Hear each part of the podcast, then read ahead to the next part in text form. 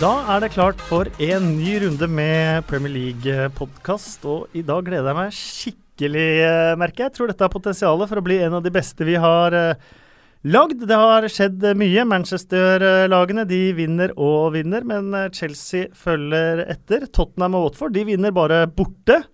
José Mourinho sendt på tribunen, og så kommer jo eh, denne podkastens ordentlige godbit når vi skal kåre de ti største tenåringstalentene i Premier League.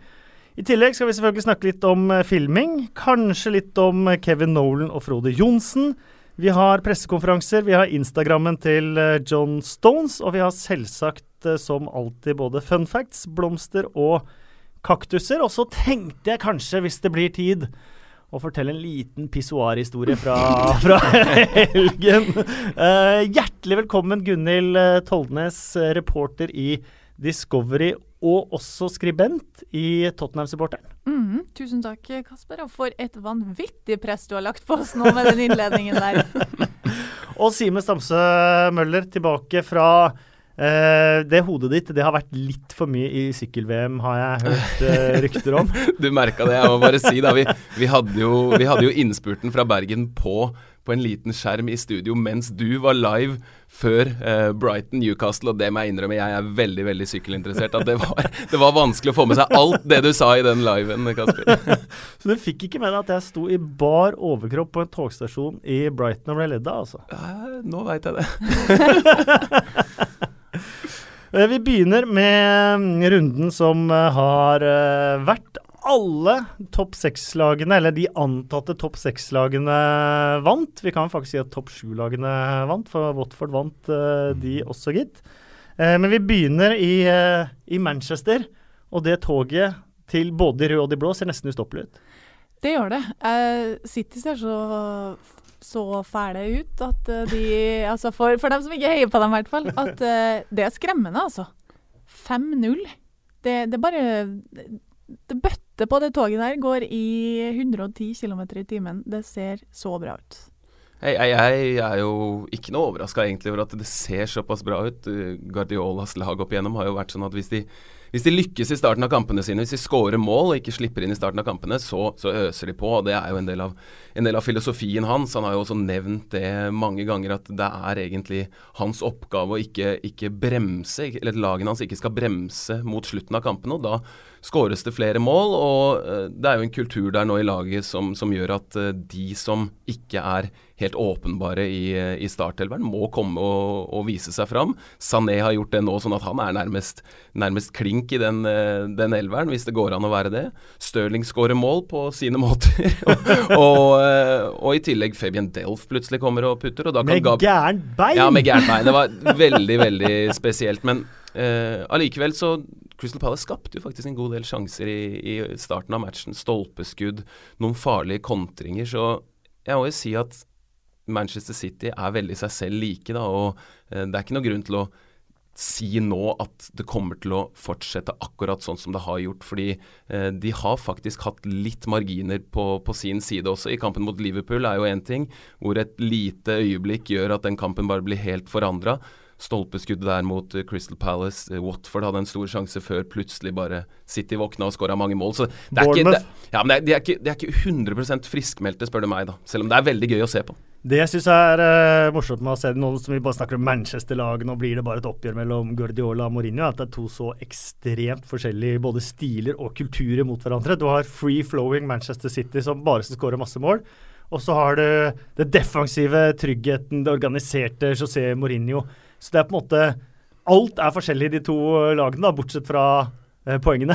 Det var, veldig tydelig denne, denne helgen at uh, Manchester United har jo eh, mulighet til å lide i ganske store deler av kampene sine. Mourinhos lag har alltid vært sånn at du har mulighet til å, til å faktisk ta imot en god del. Da, fordi det er bygd og det er, det er planlagt sånn at man skal ha mulighet til å forsvare seg. Southampton hadde jo ballen veldig mye i andre omgang, skapte store sjanser. Men også ser man at når det er tilløp til store sjanser, så er Phil Jones der, så er Bailly der, så er Matic der. De har spillere med, med store defensive kvaliteter.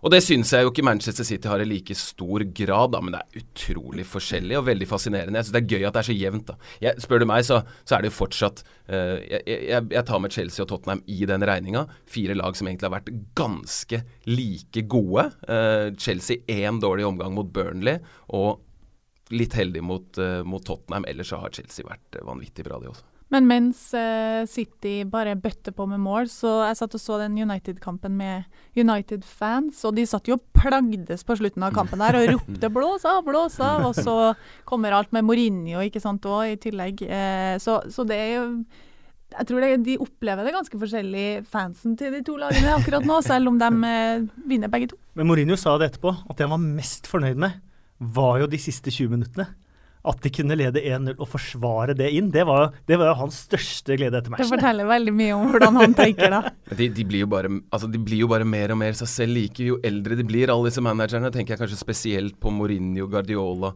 uh, Klopp, som uh, Wenger også selvfølgelig, som, som, som, bare blir mer og mer De har sånn enorm integritet. Da de skal liksom ha sitt klare og tydelige stempel på lagene. og Da ser det sånn ut som det har gjort de ukene til nå. Jeg tror det kommer til å fortsette. Men vi må Den Det blir jo nesten ukens Mourinho, dette. For det er alltid noe å diskutere med Mourinho. Sendt på tribuna for en tåspiss eh, inne på banen. Det er mye man kan ta Mourinho for, altså. Men uh, at han ikke fikk straff, det skulle bare mangle. Nå snudde han seg og gikk lydig inn i tunnelene og, og vekk òg, da. Ja, men eh, når du ser Conte på sidelinja, du ser Klopp på sidelinja, du ser Tony Pulis ikke minst på sidelinja eh, Men det er Mourinho som får smake pisken nesten hver gang. Jeg, jeg syns det der bare Altså, det, det der blir bare bullshit. Man, det, ja. går, det, går, ikke an, det går ikke an å, å, å, gjøre det, fordi de dommerne setter seg i et problem for resten av sesongen. Og jeg syns jo sånn generelt så er det jo så vilt forskjellige lister de legger seg mm. på når det kommer til hva som er lov på banen og, og utafor banen. og Uh, sånn teknisk sone og sånn. Det er jo når det koker såpass mye, og det er så viktig. Kom igjen, da. By på den, da. La ja, han få lov til å holde på litt. Det har ingenting å si for noen i hele verden at han har en tåspiss på banen. Det blir i alle fall mange som blir sendt vekk hvis hver eneste gang en trener er utenfor teknisk eh, sone skal føre til det. Det er hver match, det. Ja, ja cirka. Ja, og det er, og, men, men, det er jo liksom det man har da med Mourinho, at uh, er det andre trenere, Conte eller Klopp eller noen andre som snakker om ja, de har så ekstremt vinnervilje. vet du. Er, uh, han står og skjeller ut fjerdedommer, men det er en vinnervilje vet du, som gjør det. Vi må nesten gi, gi han den. Er det Mourinho, så er det liksom bare to tette og vekk med Han, han, han, trives jo litt med de greiene der. Ja, han, det ser man jo. Han, shaker hands. Ja, ja, ja.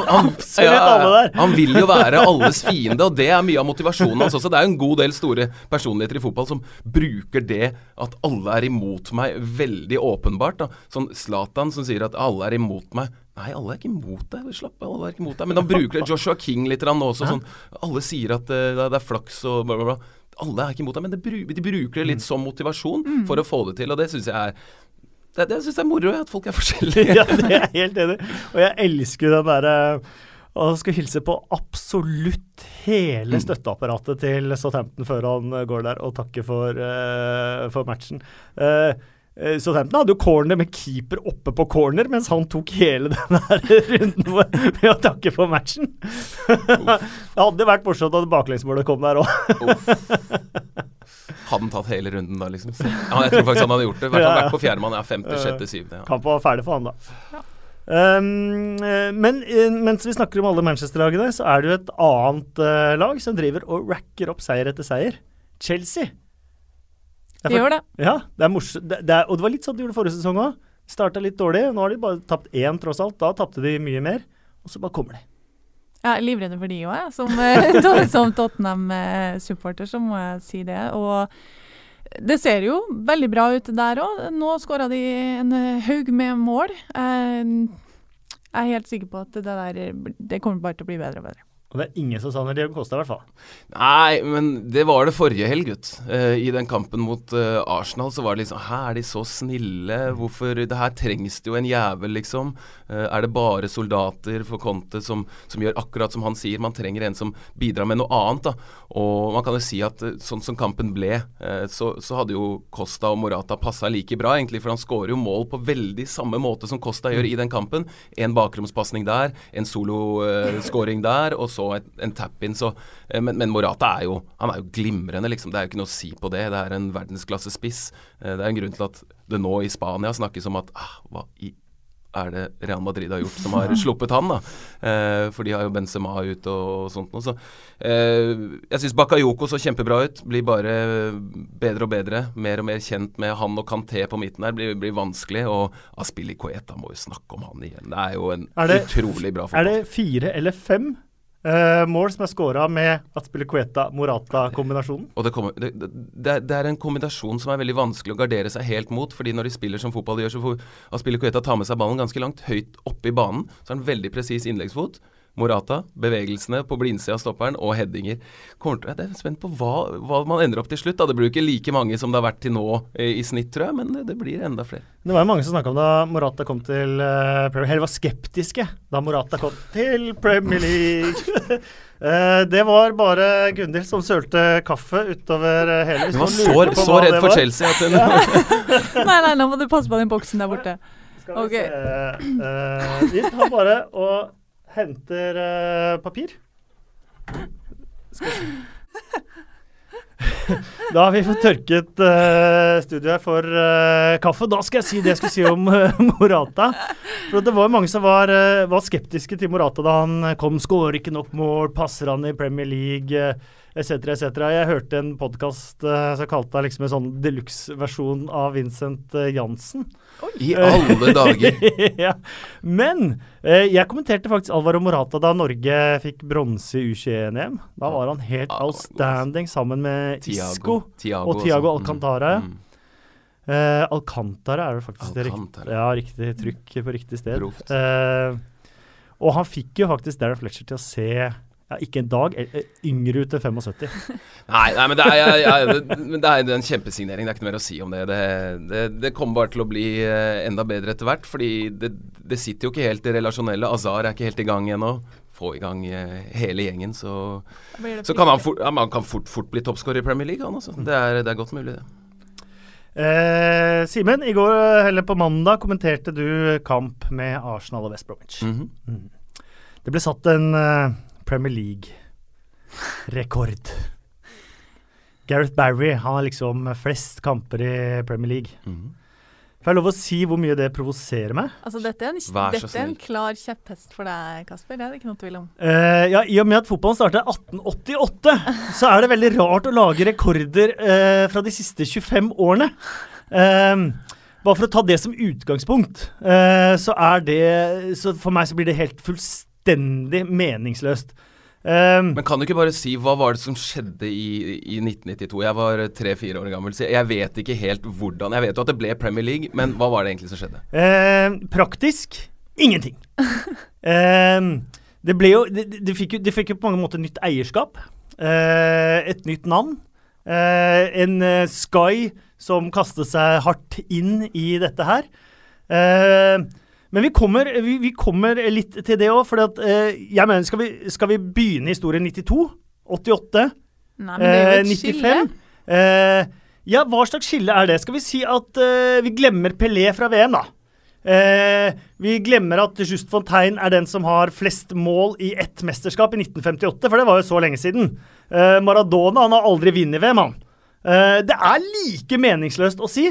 Er det, ikke, er det, ikke, mer meningsløst? For formatene har jo forandra seg i VM. Det var nettopp, ikke offside, alt, uh, alt nettopp VM-historien har forandra seg mye mer, både med antall lag, med an konkurranseform, ikke minst gruppespill, utslagsrunde, alt mulig. VM har forandra seg mye mer, men vi beholder selvfølgelig VM-historien. Og bare for å gjøre dette her enda mer absurd Det som gjør dette her så absurd at det nesten ikke er til å tro, det er faktisk det at Gareth Barry slo Ryan Giggs sin rekord på antall Premier League-kamper.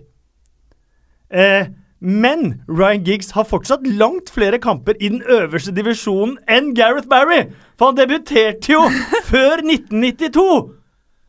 Det er altså så absurd! Hva? Så, så, så de, de, kampene han spilte eh, på våren 1992, de skal ikke telle, men på høsten 1992 skal kampene telle?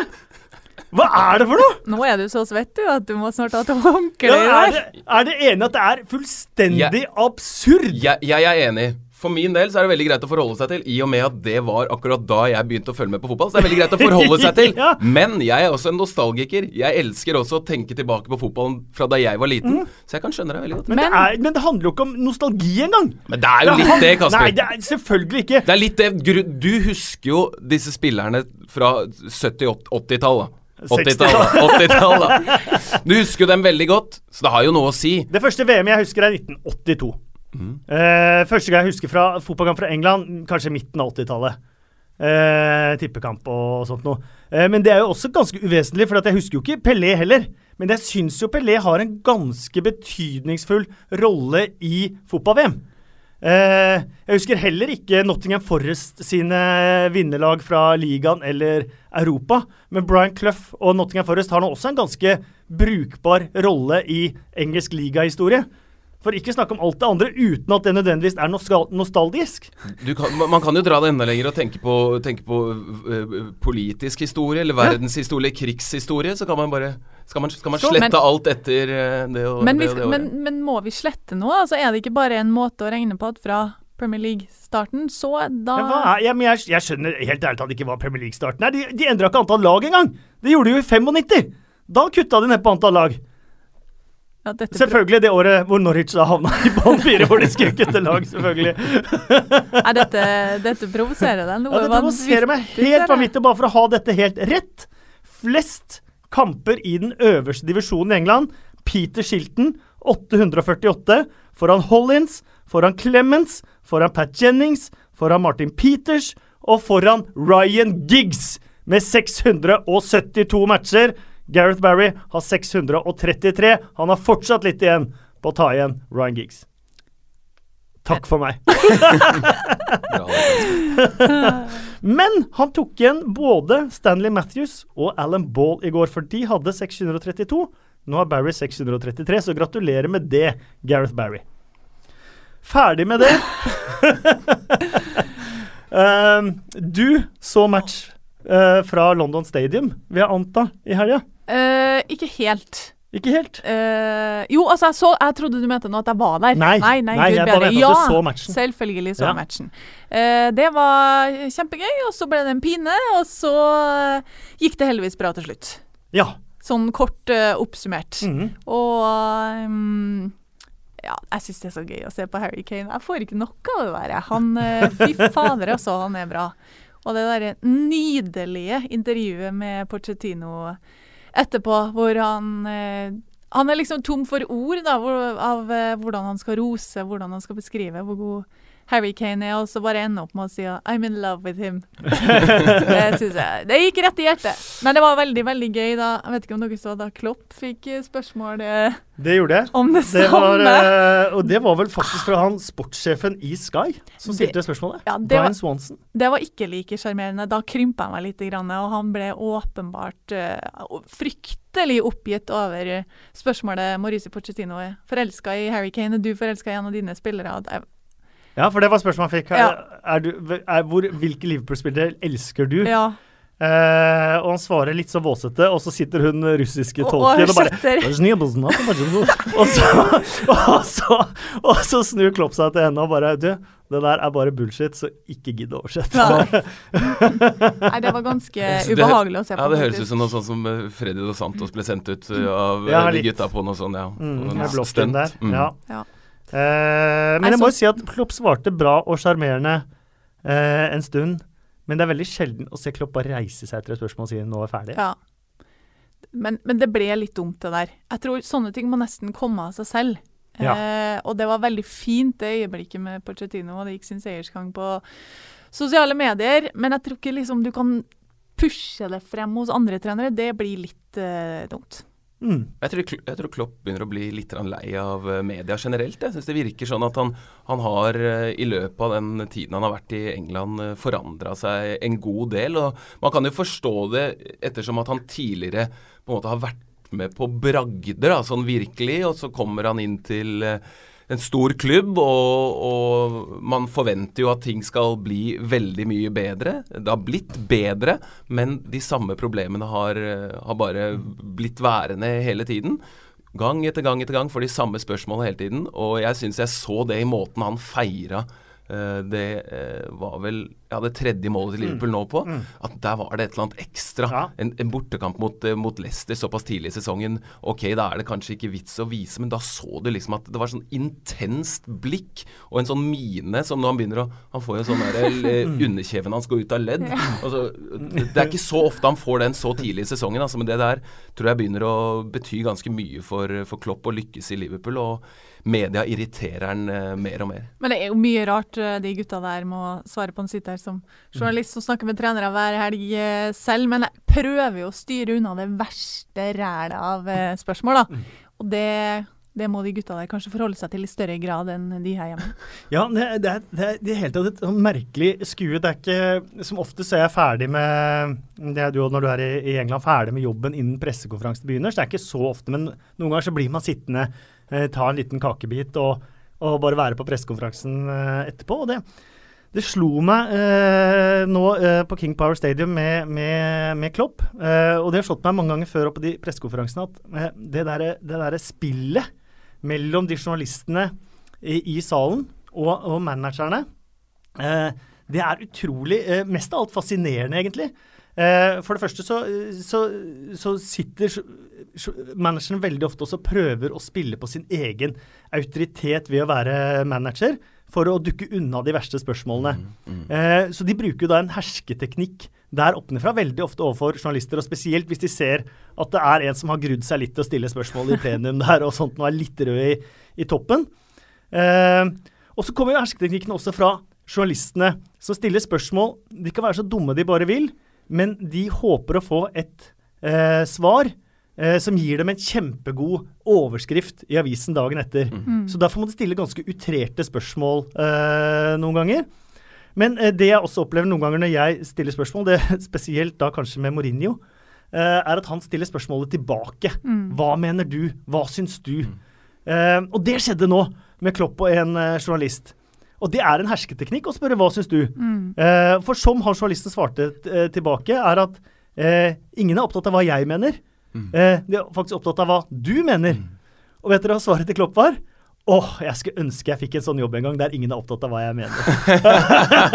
det var bra. Ja, det og der, de, så de hersketeknikkene de går bare fram, fram og tilbake. Mm. Eh, journalister for å få uttalelser til å få overskrifter, og managerne eh, for å slippe å få ubehagelige spørsmål. Men jeg synes det var ett spørsmål som var litt interessant etter Liverpool-Leicester-kampen. Eh, syns du Simon Minolet hadde en god eller dårlig kamp? det er et litt fiffig spørsmål, eh, for det er ikke lett å svare på.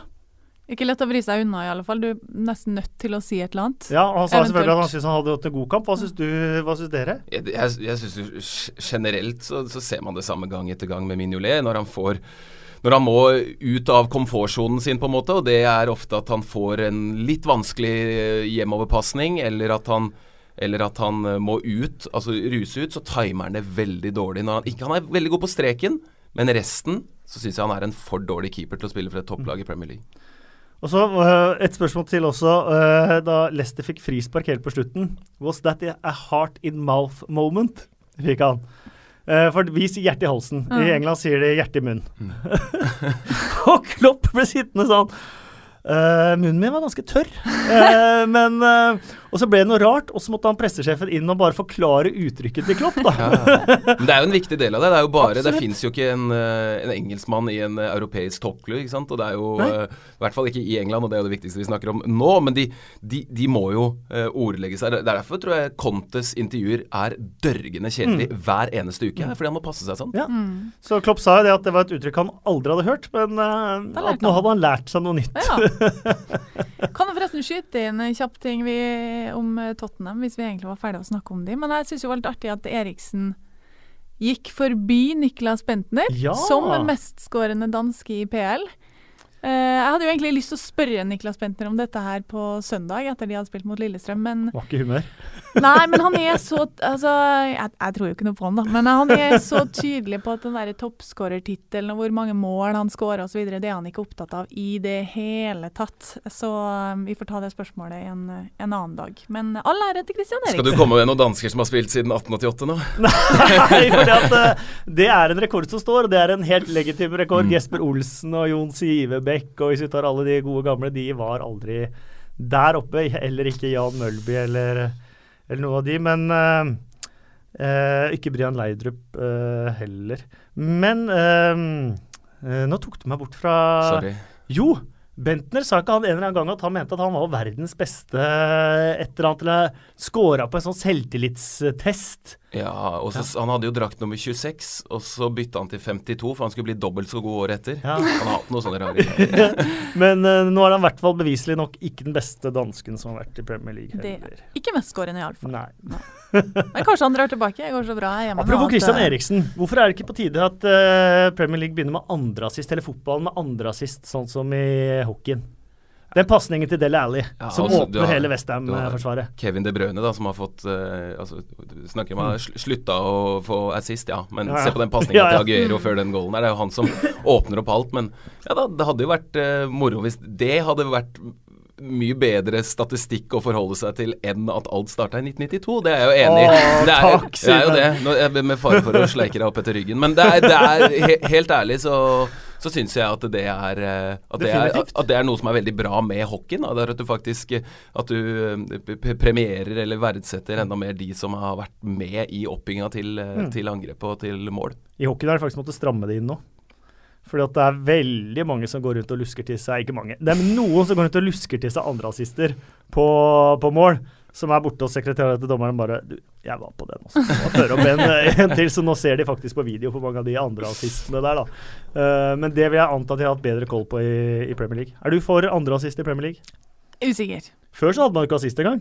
Så alle de assistrekordene stemmer jo. Men- For før så registrerte man det jo ikke. Men det er jo samtidig Altså, vi verdsetter det jo voldsomt, de som sitter og ser på. For det å kose seg oss med det, og sånn, selv om det ikke er noe system på det. Det er sant, men nå, nå har vi jo nesten alle Eller nå Vi er koser oss med mål og assister, selv om Nei, men- vi faktisk har statistikk på det. Jo, men altså, skal vi ha det på alt, da?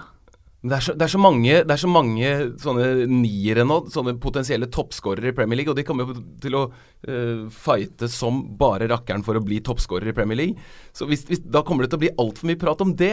Så jeg er veldig glad for at det er uh, Jeg skulle ønske det var mer oppmerksomhet rundt uh, målgivende pasninger generelt. Men dere som sitter i studio, dere drar jo fram Se den pasningen her som åpna opp sånn og sånn. det gjør det dere er jo. ing- ingenting skriftlig i etterkant som Å nei, beviser det det at ha, at ja. Christian Eriksen okay. Ja, Statistikk-Kasper vil ha det. ja. Nei, jeg er, for, jeg er faktisk for andre assist. Syns det er på tide. Okay. Kanskje man skulle telt uh, Hvis man Nå er ikke jeg sånn superglad i sånn fantasyprat, men hvis man skulle hatt med fantasy, hadde jeg telt halvparten av første assist, da. Ikke dumt. For eksempel. Ja. Men da blir det ett og et halvt poeng, vet du, for så tre poeng. For det, det blir ja, gærent, nei, det der, ja, Da må vi legge om hele poeng da for. Andre, andre assist. Ja, det Jeg er i hvert fall veldig for at man skulle få inn uh, andre assister. Uh, uh, alle topp seks-lagene vinner i uh, helga, uh, pluss uh, Watford. Og dette her er litt spesielt. Tottenham og Watford. De har vunnet alle sine bortekamper, Mm. men de har fortsatt ikke vunnet hjemme. Og hvis du tar med eh, forrige sesong, Tottenham, knallgode hjemme. Marco Silva, knallgod hjemme. Og nå vinner de bare på, på bortebane. Så det tyder jo kanskje på at vi ikke skulle legge for mye i, hvert fall Marco Silva sin hjemmestatistikk med Hull forrige sesong. For jeg, har veldig veldig sansen for han. Jeg tror at Watford kommer til å Det, det sa jeg også før sesongen. Så det får jeg, for jeg eh, stå ved. At jeg tror Watford blir den store positive overraskelsen denne sesongen. Eh, og de spiller de, Mot Burnley og mot Swansea så spiller de veldig god kontringsfotball. De har fått inn et par veldig gode spillere. Cario og Richarlison spesielt, i tillegg til Andre Gray, som har mye mer tempo i kroppen enn Troy Dini. Så de, de kontrer veldig bra. Når det gjelder Tottenham, så får heller eh, Gunhild svare på det, tror jeg. Nei, vet du hva, hvis vi skal begynne å snakke om det vemmelige Hoodoo igjen, så Nei, vi har snakka så mye om det i Ja. podkasten, så vi hva, dropper det nå. Så får vi ser se åssen det, hvordan det spiller seg seg. eh, ut. ja. Eh, veldig få mennesker som tok veien til Wembley mot Barnsley. Det, uff. Jeg har ligacupen en framtid. Framtid Ja, det burde, det burde jo være altså sånn eh, Hvem, andre- yeah. hvem andre land har to Nei, Frankrike, Eh, Frankrike har det. cuper sånn? Frankrike har det. Frankrike har det. Nei, det er jo for, for, I Frankrike burde de jo ha det, for da har alle de andre lagene mulighet til å i hvert fall ta ett trofé. da I, i, I Premier League så, eller i England så tenker jeg mer at det, det burde være gjevt fordi det er bare ett av disse topp seks-lagene som kan vinne Premier League. Så da, da burde det være gjevt i hvert fall å få komme seg til Wembley og få uh, løfta en pokal. da Fordi det blir jo, blir jo bare flere og flere om beina. Det er topp seks. altså da, da burde det være Jeg syns de burde At det burde uh, være, være gjevere rett og slett bare å, å, å løfte en pokal. Så i hvert fall når, Ja. det, når den fins, så at de burde satse kanskje enda litt mer på den. Det er jeg helt enig i. Det har vært en av mine også. sånn i tillegg Å, det er mange kjepphester nå. Ja, det er mange kjepphester. Men de er lagene fra under topp seks, da. Eh, og spesielt topplagene i championship, eh, og kanskje ikke de som er i nedrykksstrid i Premier League, men alle andre. At de klarer å rotere seg ut av det som er deres eneste trofémulighet Mm. som supporter. Ufattelig irriterende. Når du som eh, et, eh, godt championship-lag da, skal møte et middels Premier League-lag, og du vet at de kommer til å rotere ti av spillerne sine Du vet at du har en tidenes mulighet hvis du topper laget, så klarer du ikke å gjøre det. Nei. Eller Doncaster, da, som kommer til Emirates. Og de beste spillere, par av de beste spillere, eh, han spissen John Marquise blant annet, som altså leverer for de uke inn og uke ut, og så får de ikke lov til å være med på når de skal spille borte mot Arsenal på Emirates. Er det sant? Og så tapte de bare 1-0? Ja! Hva er den greia der? Ja, da må man jo nesten begynne å vurdere om det er noe vits lenger. Ja. Uh, jeg bare Jeg hopper litt i temaet når vi snakker Ja. om uh, Watford borte og Tottenham eh, borte. Bortetabellen er jo City, Tottenham, Chelsea, Watford, og så United. -hmm. Så det var jo en fin tabell. Det er veldig fin Både tabell for for, eh, Tottenham og for Watford. Men jeg skal helst duge både hjemme og borte, da. Ja, og det bringer oss til vår neste spalte. Fun factsene til Bill Edgar. Er det en fast spalte? Det, Det er fast spalte, for Bill Edgar er jo en av mine favorittpersoner i verden. Eh, Statistikkguro i The Times. Eh, hver mandag så kan han eh, melde eh, statistikker som eh, dette. At siden fotballigaen startet i 1888, ikke 1992, merkelig nok, eh, så har det aldri skjedd at to lag har vunnet sine tre første bortekamper, men ikke vunnet noen av sine hjemmekamper i den øverste divisjonen. Så så spesielt er det. Eh, fire lag har da vunnet sine, fire, nei, sine tre første bortekamper. Eh, og det er også første gang siden 1899-1900-sesongen. Eh, Manchester City har allerede skåret flere mål denne sesongen enn Derby gjorde i hele 07-08. De har flere poeng, de har flere poeng enn Derby hadde da òg. De endte jo søren meg på 11 Mm. poeng, altså. Tenk på det. Én seier hele sesongen. Crystal Palace er denne sesongen, hvor mange får de? Uh. Nei, Men dere, du leste bloggen min uh, som jeg publiserte? Hodgson, mm. Ja, om Hodgson. Han må Mm. bare ha juleselskap. Da ordner alt seg. ja. Så lurer på hva jeg snakker om da, så får du gå inn på PL-portalen på tv2.no og lese bloggen min, da, vet du. Um, Raheem Sterling skåra to mål på lørdag. Det var første gang han møtte Roy Hodgson, siden Roy Hodgson var landslagssjef. Uh, og han brukte 26 mål Nei, 26 kamper på å skåre to mål for Roy Hodgson som landslagsspiller.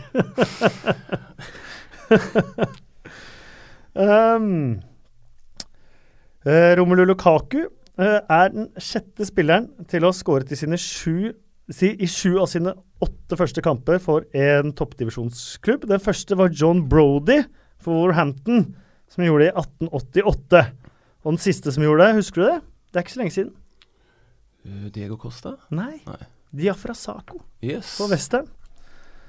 Um, han hadde jo en fantastisk, eh, fantastisk start der.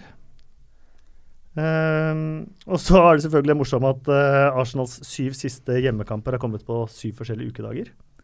Det syns du er gøy. Det syns jeg er litt morsomt. Uh, de møtte jo West Bromwich på en mandag, så hadde de Doncaster på en søndag, Köln på en torsdag, Bournemouth på en lørdag, Leicester på en fredag, Everton på en søndag og Sunderland eh, forrige sesong også på en tirsdag. Denne mannen som leverer dette her, Kasper, har du møtt han, eller? Jeg har ikke møtt han, men jeg har, jeg har sånn en drøm om å møte han og Geir Juva, f.eks. Sammen, Sammen. lille lille nerderådet. Ja. Kanskje vi kunne eh, hatt en, uh, For en øl, liksom. spesialpod med de to? Åh, er det det drømmen? vært, eh, ja, det hadde vært fantastisk. Tenk det. Tenk det. Um, Tottenhams Harry Kane har skåret 25 Premier League-mål, eller toppdivisjonsmål, eh, i 2017.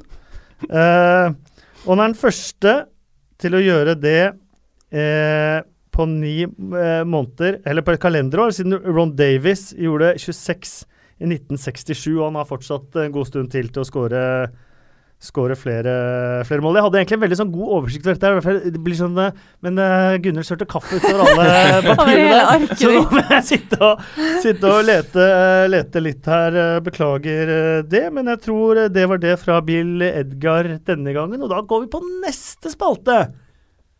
Blomster og kaktuser. Oi. Vi skal dele ut en blomsterbukett. Eh, Har dere tenkt dere noen eh, som kunne tenke kunne trenge blomster denne uka, eller skal jeg komme med mitt forslag? Kom med dine, du. Del ut, du. Omar Nias. Ja. Mm. For en historie han har fortalt, med tårer i øynene nærmest. At han ikke fikk ha eget garderobeskap, så han måtte komme med treningsklærne sine og spille for U23-laget. Og at han ikke fikk utdelt dress fra klubben, så han måtte dra hjem i treningsdressen. Stakkar. og han fikk beskjed av Ronald Koeman du har ingen framtid. Men da koma trengte han som mest, Da. da kom Omar Nias. Altså, han syns jeg skal få en helt gedigen blomsterbukett av deg, Kasper. Jeg så det var en eller annen Twitter-gjøk som hadde vært ute og tvitra, så dere det? Nei. At uh, sikkert idet han kom inn, eller uh, rett før, at hvis han kommer inn og blir matchvinner i dag, så skal jeg tatovere Angry Birds, eller hva det var, på, ja, for de har fått det på ermet. Ja. Ja. På liksom hånda si, eller håndleddet. Så nå er de bare vel skikkelig på han fyren at nå må du fader meg tatovere deg. Men det er måten å bli berømt på for tiden. Jeg lover sånne ting, gjennomføre Ja. det, og thank you. 15 Time minutes of fame der. Ja. Mm. I 2012 spilte Omar Nias i andredivisjon i Norge. Det gjorde han. Da spilte jeg i førstedivisjon. Oh. Åh, Tenk- du var på nivå tenk åssen det har over gått. Omar Nias. Og Du- det er jeg ikke nå. du, er egentlig, du var egentlig bedre enn Jeg var, var egentlig mye mer lovende enn Ja. Omar Nias for fem år siden. Og her sitter jeg. Ja, her sitter du. Hvor ville du helst vært? På Goodison Park. Nei. Ah, ok, da, det er koselig her òg. Ja, det er det. Ja, vi skulle helst sett deg på Goodison Park òg, faktisk. Det er helt ærlig. Nei, det det tror jeg gøy. faktisk ikke. det har vært gøy, det er det det har vært. Um, vi skal selvfølgelig ha en rundens kaktus, og her får dere ikke lov til å komme med, med alternativer. For her blir det min kaktus som blir delt ut. Rachiv Van La para. Jeg sier det med litt sånn blah i stemmen nå. Mm. Dere skjønner hvorfor. Eh, ja. Jeg vet hvorfor. ja. Ja. Filming. Filming. ja, men det, det var så tydelig at det blir litt sånn flaut. Gjør det ikke Bare det? flaut? Hæ? Jeg synes Filming er ikke bra uansett, men jeg syns i hvert fall når du ser det tydelig, da blir jeg sånn åh, det der er pinlig. Mm. Ja. Og så er jo Jean Dyche var jo rasende etterpå. Uh, og han var også rasende på den nye innstrammingen av regelen. Det er sånn at hvis Rajif Van La Parra hadde fått straffe her, så hadde han fått tre kampers utestengelse etterpå. Mm. Eh, men Jean sier det hadde ikke hjulpet oss. Da hadde vi tapt det ene poenget. Eh, så ha, om han hadde blitt straffa, da hadde det ikke hjulpet oss. De må straffes for å gjøre det. Punktum. Mm. Hva syns dere? Enig i det. Jeg er enig, jeg er enig i at de burde straffes for å gjøre det, punktum. Jeg, jeg syns generelt så er det veldig mye juks i fotball, og da tenker jeg ikke bare på filming, men også eh, små tråkkinger på ankler, eh, trøyeholdinger og alt sånn. Eh, det er ikke sånn moralsk sett like på en måte alvorlig og stygt og flaut og alt sånn. Men jeg syns også det er veldig mange andre ting som, eh, som eh, er irriterende når det er kamper. Holdninger, sparking Det er mye juks generelt. Mye juks. Mye juks. Men filming er liksom verstejuksen, føler jeg. Ja, jeg, ja, Når det er så tydelig, da, når det er, når det er så tydelig som det var nå, så er jeg enig i at det er det verste juksen. Men noen ganger det, når man ser at f.eks. forsvarsspilleren faker en takling, f.eks., da forventer man at det skal skje. Så da, da hender det at man, man slipper litt av på, på beina, liksom, og så, og så plutselig så faller man. Men, men dette her var så tydelig at, eh, at ja, det var pinlig. Det hadde vært ryddig med noen sanksjoner av noe slag, men så kommer spørsmålet, da, er, som alltid melder seg, er jo Denne var tydelig, Mm. men hvis det er en som er mindre tydelig, hva gjør vi da? da Og det kommer ikke til å forsvinne, uansett. Spillere kommer ikke til å slutte med det hvis de får straffer. Det er jeg helt sikker på. For ikke for straffespark, men hvis det blir straffet, ja. Nei, men det, det, det Nei. tror jeg virkelig ikke. Det har noe med instinktet til fotballspillere å gjøre, og eh, det at man, når man er desperat, så gjør man uh, sånne ting. Dette vet Simen, for det har han gjort 100 ganger. Ja, han ble filma mye. Men det som eh, gjør det dobbeltirriterende, er at Jay Rodriguez ikke får straffe i går. Mm. Det er altså så provoserende at eh, jeg merker jeg blir sånn alvorlig sint. Og at Arsenal fikk straffe for det de fikk straffe for. Ja, men det var straffe. Jeg er enig, men at Ja. de får det i den samme Ja, kampen, tenker jeg. Definitivt. Det, det, da blir det bare det er jo Bobby. Madley opp av dagen, for du kan si mye om Bobby Madley, men eh, konsekvent er han ikke. Men dårlig er han. Ja, Ja, han er dårlig. altså. ja men eh, du, du kan ikke få klare straff enn det Jay Rodriguez skulle hatt i går. Det, det, det skjer ikke klarere forseelser i feltet enn det som skjedde med han. Og fordi han reiser seg opp, så får han ikke straffe, liksom. klareste tegnet på det er jo at uh, Mustafi rekker liksom armene Mm. i været når han ligger nede. Det er det første tegnet på at du har gjort noe gærent i en sånn situasjon. Og Bobby Madley viste ingen tegn til fordel. Nei. Nei, sant. Nei. Nei, Han bare lot det forbigå. Han er ikke skikka, han er ikke skikka for det. Nei. Nei. Det spennende er jo litt at uh, Jeg har jo kommentert flere kamper med Bobby Madley. Første gangen var uh, etter Nottingham Forest mot Derby. Derby. Eh, Som er det verste jeg har sett. Det er den verste dommerprestasjonen jeg har sett noen gang, faktisk. Eh, hvor det bl.a. var en stempling som var så hardt, og, og han ble liggende nede. Eh, var det Jamie Mackie, må tro, som ble liggende nede? Eh, og så blåser dommer, for det er, det er ordentlig skade. Og så sier jeg nå kommer det rød. Nei da, det skulle være behandling, så han fikk droppe ball etterpå. oh, ja. Så det var ikke, det var ikke forseelse engang. Eh, og så hadde du eh, da seinere, hvor det var altså det, det ble helt kokos den kampen etter hvert, og det er naturlig at sånne kamper blir kokos når det er, det er et av de heftigste derbyene i England. Eh, det er et lag som jager mål. Eh, det koker overalt. Og han ene kommer altså gjennom mot keeper, og han andre kommer inn i sånn pondustakling. Sånn der med strake bein, inn fra sida, opp i knehøyde med begge beina. Spill videre! Ja, ja. Han klippa han altså som mannen med ljåen, men eh, det var ikke noen forskjellelse, det heller. Jeg blir omtrent like provosert av dårlige dommeravgjørelser som du blir av uh, uriktige mm. historiske tall. Eh, og dette har vi snakka om tidligere, kunne sikkert snakka om det veldig mye. Men uh, jeg, er, jeg er så ofte sur på dommeravgjørelser, og mener at når de er så dårlige som det der, så trenger de hjelp. Jeg har sagt det mange ganger. Jeg veit hva du syns, Kasper. Jeg vet hva veldig mange syns. Og det er synd at det er sånn. Uh, men jeg, jeg etterlyser hjelp. Hvis, hvis han skal dømme eh, så store lag og i en så bra liga som Premier League, hvis ikke nivået generelt er bedre enn det, så trenger de jo hjelp. Det er jo, det er jo så elendig. Det er så, det er så utrolig svakt. Det er så åpenbart. Man ser det på den straffen Arsenal skal ha også, at linjemannen står og ser rett inn på en trøye som står som et seil. Rett, Man står og ser på det sånn apatisk. Bare, nei, nei, det var ingenting, da. Ok. Men ikke begynn å komme Nei, med videodømming og sånt nå, for da er greit, sender jeg deg rett ut. Det er greit. Jeg veit det, Kasper. Jeg vil være her. Uh, vi pleier å kåre en rundens ukjente helt. Jeg syns det er flere gode kandidater denne gangen. Uh, en som har imponert meg veldig under alle, eller i hvert fall under mange radarer, er Kiko Feminia Mm. i uh, Watford. Det at du ikke nevner han i stad.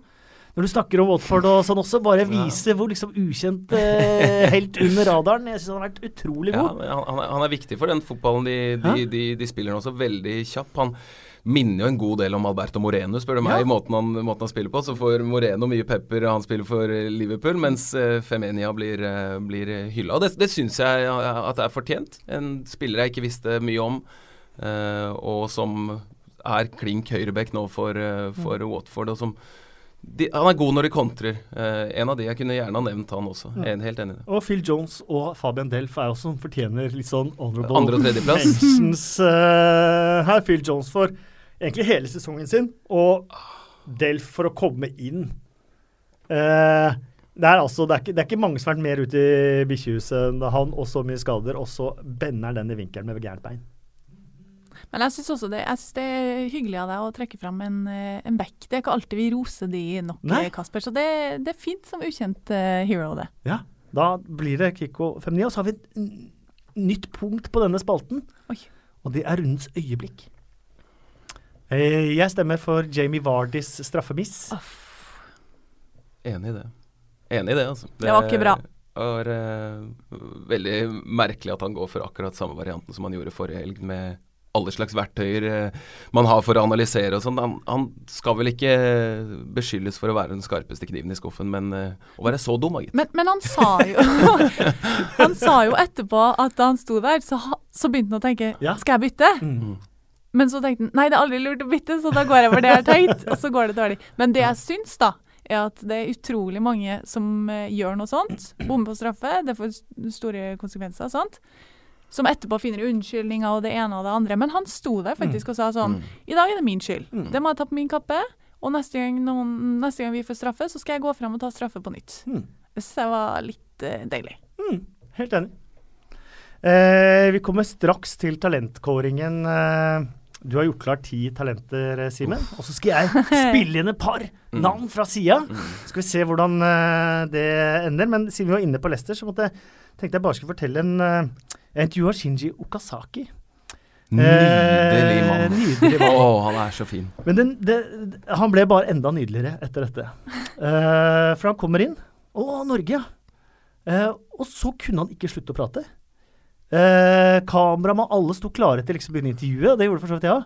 Ja. Men Frode Johnsen Ja. eh, var Nagoya Grampus ja, 8. De hadde spilt sammen par år, og de var så gode venner. Eh, og Frode Johnsen Spisspar? Se for deg det spissparet! fantastisk. Men så fortalte han også at Frode Johnsen har vært i Leicester og besøkt den og sett kamper og sånn. Tenk om vi hadde visst dette her i det gullsesongen, da! Og kunne lagd reportasje Ja. på det. Ja. Eh, Jeg tror jeg nevnte en bisetning en gang. Jeg kom til, Han har jo spilt med Frode Jonsson, Ja. tenkte jeg ikke mer over det. nei, de er da gode kompiser, altså, og han prata så varmt om Frode Johnsen. Men så kom vi til intervjuet, og han fikk ikke fram et ord. Jeg tror nesten ikke at vi kanskje har det på lufta engang. Nei, jeg hørte, jeg hørte det, vi, vi fikk det nå, for uh, Ja. vår mann på kontrollrommet sa Simen, veit du hvem Kasper har fått? Så tenkte jeg meg om. Okazaki! Ja! Så måtte jeg høre på det. For det, det ble jo litt ganske dårlig intervju, egentlig. Ja, det Og så sier han etterpå uh, Sorry for at engelsken min er så dårlig. Og så sier jeg nei, det går fint. Og så var ikke engelsken dårlig lenger. Og så prata han og prata han og prata han mer om Frode Johnsen. Og det var jo flere som skulle intervjue Okazaki, så de måtte liksom si sånn eh, Excuse me, Chinji, nå må du nesten slutte å prate. Du må ta nestemann. Og han skulle bare prate, han. Men dere må jo få med Frode Johnsen over neste Ja. gang dere skal ha Lester. Er dette tidenes mest sympatiske spisspar? Det, Frode Johnsen og Shinji Ja, det må det det, nesten være. det kan det være. Og komplementerende. Kunne jeg nesten sagt, bortsett fra at Jamie Vardy og Okazaki er så ekstremt Men, komplementære. men de er ikke så sympatiske, si. Da, Altså, det synker litt med Vardy, Vardy, ja, kanskje. litt litt Vardy akkurat på den delen, Ja. kanskje. Jeg Jeg kjenner ikke Jim Vardy. Tenk om han er verdens beste fyr. Men det, det går nesten ikke an å være mer sympatisk enn Frode Johnsen. Eller Okasaki. Eh, nei. Og Nettopp. da tror jeg nesten vi kan konkludere. Verdens fineste smil. Han smiler med hele kroppen, liksom. Ja, han var en fantastisk fyr. Og så var det, det det rare også, når, når vi pratet sammen da før og etter, så, så sto vi ansikt til ansikt. Med en gang han fikk mikrofonen, så snudde han liksom ansiktet andre veien. Ja. Så et eller annet den der- vet du. Ja. Fotballen er død. Nei da. Nei, det, er, det var en synd, det. Men veldig det, man, fin opplevelse. Ja. Også veldig rar, men han steg enda mer i Mm. om han noen gang kunne gjort det. Men det er jo en helt annen setting med en gang du får en Ja, ja, ja. mikrofon opp i trynet. Det blir mye mer statisk. Ja, Den praten dere hadde, hørtes jo veldig sånn ekte og nær Ja. ut, da. En, en ekte ninja. Nei, vi elsker Okazaki, eh, og da får vi da viderebringe våre hilsener til Frode Johnsen fra Okazaki, da, hvis eh, Frode Ja, Johnsen hører på. Ja. Eh, skal vi kjøre i gang? Uh, Få høre kriteriene dine på de ti største talentene i Premier League. ganske enkelt og greit. De må ikke være fylt 20 år. Ja. Uh, og uh, jeg, jeg har tatt spillere som jeg ser for meg skal spille Eller spiller i Premier League denne sesongen. Ja, nettopp. Mm. Mm. Det syns jeg var en litt viktig del av det. Skal vi begynne på Hvis, hvis vi tar Vi begynner på nummer ti til én. Tar et par uh, ord om uh, hver spiller. Ja. Jeg, så spiller jeg inn uh, noen navn etterpå, ser om de kunne fått plass på lista di. Ja. Dette er helt opp til deg. Og så diskuterer vi, vi lista. Og du er selvfølgelig nå klar over at det sitter fans av 20 Premier Mm. League-klubber Mm. som kommer til å være uenig med deg. Mm. Absolutt kanskje alle sammen. Helt riktig, og jeg må bare si først at jeg har, jeg har valgt å, å, å ta noen som er eh, ganske etablerte, noen som er veldig etablerte, og noen som absolutt ikke er etablerte. Men jeg kjører på. På tiendeplass Domingus Quina fra Westham. Jeg kunne tatt Declan Rice, som har spilt mer, men jeg syns Quina er en, eh, er en enda mer spennende spiller. Kom fra Chelsea, også han. Veldig trygg og god sentral midtbanespiller. Og så har han en ting ved seg at han, eh, han, han ser ikke på ballen. Han, han, han, ballen Ja, bare er ligger der. Ja, det er deilig. Så, Ja. sånn at du, du, da blir det ikke sånn at man bare spiller til den åpenbare sideveis, men spiller også gjennom ledd. Han liker jeg veldig godt, det jeg har sett av han. Uh, jeg bare så at faren hans har jo et par landskaper for Portugal. Mm. Uh, men uh, han hadde jeg aldri hørt om uh, likevel, starten av 90-tallet. Men han, jeg tror han var ganske grå midtstopper. Mm, Dette er ikke noen grå spiller, altså. Nettopp. Uh, Niendeplass, Tottenham-spiller. Uh, Marcus Edwards. Uh, nydelig spiller, spør du meg. Venstrebeint, veldig godt driv. Uh, kjempebra teknikk. Nå har jeg sett han Det, det anbefaler jeg eh, lytterne å gjøre. Se på de eh, Uefa Youth Champions League-kampene som går klokka to og fire i, i midtuka når det bare er sånn pantelånerne fra Las Vegas på andre kanaler. Han, jeg, så, jeg har sett han i et par-tre kamper. Jeg så han mot Dortmund. Det var, det var et, et, lite knepp over resten. Uh, så jeg, han var meget god. Jeg gjorde det, vet du. Da jeg hadde en dag til overs da jeg var egentlig skulle kommentere. Da dro jeg ut til Hyde. Ja. det er ute i Stoke on Trent. Uh, gudsforlatt plass. Um, det Før det ble Youth Champions League, så het det jo Next Gen Cup. Ja, stemmer. Eh, mellom Manchester City og Marseille. Det var fryktelig kaldt i november, men Dennis Suárez var jo blant en av de ja. som spilte. Ja. Uh, men Marcus Edwards uh, kjenner kanskje du også? Ja, eller det, Jeg har ikke sett den, men det er en sånn spiller som du på en måte hører liksom prate om som kommer det, blir det en ny engelsk god spiller, og har aldersbestemt hele veien. Mm, 18 år gammel, jeg kan si at Queen er 17 år gammel, jeg skal si alderen ja, til det ja, også, men ja. In, innoverkant, høyrebeint, nei venstrebeint, uh, høyre innoverkant, ja. er en morsom spiller. Det er bare sånn, så, sånn spiller som du har hørt litt mm. sånn der hvisking om at det, det, blir, det kommer til å bli. Og da gleder man seg så fælt ja, til de gjør det. Man gjør det. Mm. Åttendeplass. 17 år gammel fra Chelsea. Dejon Sterling. En uh, høyrebekk. En ny Stirling der, altså. Ja, en ny Stirling. Jeg, jeg, jeg, tror han kommer til å bli bedre enn uh, han Stirlingen som vi har der i Han er mer firkanta i bygningen enn ja, han han Raheem. Han er en tanks. Ja. Han er stikk motsatt. Han er en tanks. uh, slår bra innlegg, men jeg syns også at han har veldig fin teknikk. Som blanding av fysikk og fotball i seg, som gjør at jeg tror at han kan bli, bli veldig bra. Kom inn mot Nottingham Forest forrige uke. Jeg tror det er godt mulig at han er landslagsspiller om noen år, faktisk. Såpass mm. godt likte jeg det. Det, det, lille jeg har sett, Det, fall. Syvendeplass, spiller som også er Chelsea-eiendom, men på lån i Swansea. Tammy Abraham, 19 år gammel, i sin første Premier League-sesong. Var jo veldig bra i championship. Jeg liker bevegelsesmønsteret hans. Jeg liker at han er såpass breial at han, at, han, at han, har, apropos Bentner, har ambisjoner. Han har sagt at han skal vinne gullballen. Det tror jeg aldri han kommer til å gjøre. Men eh, til alderen, eh, veldig modig i det han gjør. Uh, I det hele tatt så, så syns jeg det er litt synd at han ikke får mer å jobbe med akkurat nå, i og med at han spiller for et såpass dårlig Premier League-lag som Swansea er. Og det er litt uh, sprøtt òg. Hvis ikke husker feil, skulle han ha 23 championship-mål forrige sesong, eller 21 mm. eller noe sånt. ja. Uh, at det er kanskje der han har mest å jobbe med. Uh, kulhet foran kassa. Mm, mm. for han brenner mye sjanser, ja, som han kommer til. Uh, Skåra i helga. Ja, tror, det var fra én centimeter. Ja, jeg, jeg, tror det kan bli en, en veldig bra Premier League-spiss. Det, det, er jeg ganske sikker på. Sjetteplass, også fra Tottenham, 19 år gammel Juan Foyt. Uh, argentinsk Det er faktisk ikke så mange store argentinske talenter nå mellom 17 og 20 år. Og er han litt sånn Ayala? Du, jeg, nei, jeg, jeg syns faktisk at han, han, han, er veldig god med ballen. Uh, jeg syns han minner litt om John Stones. Jeg tror han kommer til å bli bedre enn John Stones. Men har de samme Ganske tynn, høy, veldig god med ballen. Uh, Spilte mot Barnsley? Spilte mot Barnslia. ja. Uh, jeg tror også det har, det har mye å si når uh, gammel argentinsk midtstopper med oversikt og peiling henter en argentinsk Jeg tror at det har noe å si også. Men jeg har likt det jeg har sett av han veldig, veldig godt. Altså. Er ekstremt ballsikker til å være forsvarsspiller. Han sa, han sa jo det, at Porcettino var en ekstremt viktig grunn for at det ble Tottenham. Mm. Og at for, eh, pga. filosofien hans, han, han satser ungt, og han er opptatt av å utvikle, og sånn sett var det riktig arena. Mm. Men Pochettino har litt sånn derre Han henta Gazzaniga som en mm, sånn 17. valg keeper. Som er fra samme landsby som Pochettino, hvor det bor liksom Det bor ikke mange tusen uh, der, liksom. Men er det ikke veldig mange trenere rundt omkring som henter hjerte, hjertespillere? Det er jo ja, Det er det. Ja. Og så går det ofte skjærings òg. Men det gjør det igjen og igjen og igjen. Men Gazzaniga er åpenbart han kommer aldri til å ha bruk for. Og han er ikke liksom ung, så ung heller. Han kommer til å ha bruk for Foyt, det er jeg ganske sikker på. Ja, ja det, det, det, det tror jeg virkelig. Ja. Så jeg syns han ser ut som uh, ekte vare. Mm. Og hvis du følger noen Arsenal-folk på Twitter, mm. så har vi nestemann. Det er det eneste de snakker om, nesten. Ah, Reece Nelson, deilig spiller, bare 17 år gammel. Uh, jeg tror han er neste, neste store uh, egenproduserte spilleren i Arsenal. Uh, vært i klubben siden han var 6, tror jeg, og trente første gang med A-laget da han var 15 år. Har kommet inn og spilt litt preseason og ligacup, og man ser jo med en gang at det er en spiller som tør veldig mye. Ja, veldig mye. Ja, han, han vil hele tiden, og han har ferdigheter til det. Sånn Pasningssikker. hver gang han får ballen, så er han interessert i å skape ting. Han ser veldig, veldig bra ut, altså, må si det. teknisk og kjapp og Nei, et kjempetalent. Da er vi faktisk inne på topp fem. Ja, men det er viktig å ikke bli utålmodig, da. Eh, sånn som Ainsley, Maitland, Mm. Niles Mm. snakka de jo veldig mye samme om. Mm. Eh, vært litt så rundt om på utlån, og jeg syns ikke det er før Egentlig før match mot Doncaster.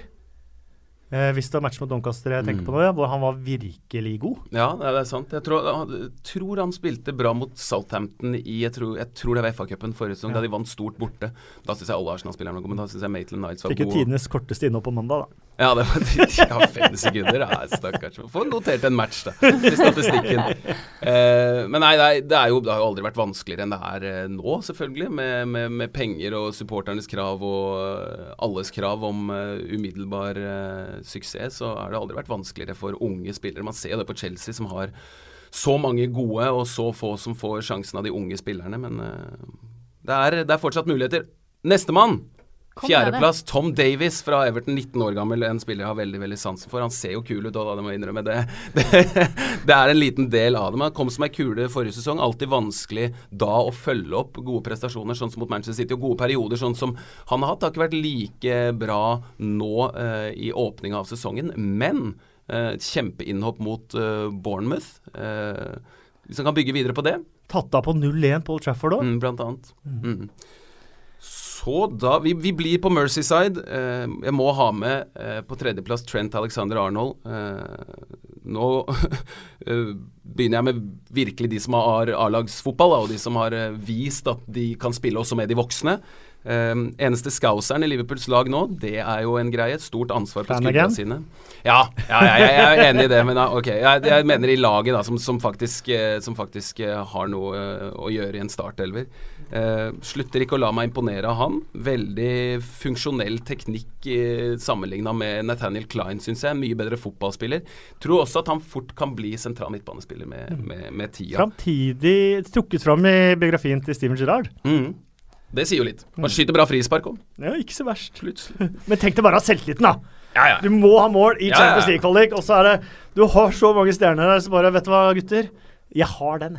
Stol på meg. Ja, synes, eh, da, da, da, er det naturlig å gå videre til andreplassen. 17 år gammel fra Liverpool, Ben Woodburn. Jeg tror at dette er et helt, eh, helt spesielt talent. Eh, god med ballen, veldig kvikk og et herlig tilslag med begge føtter.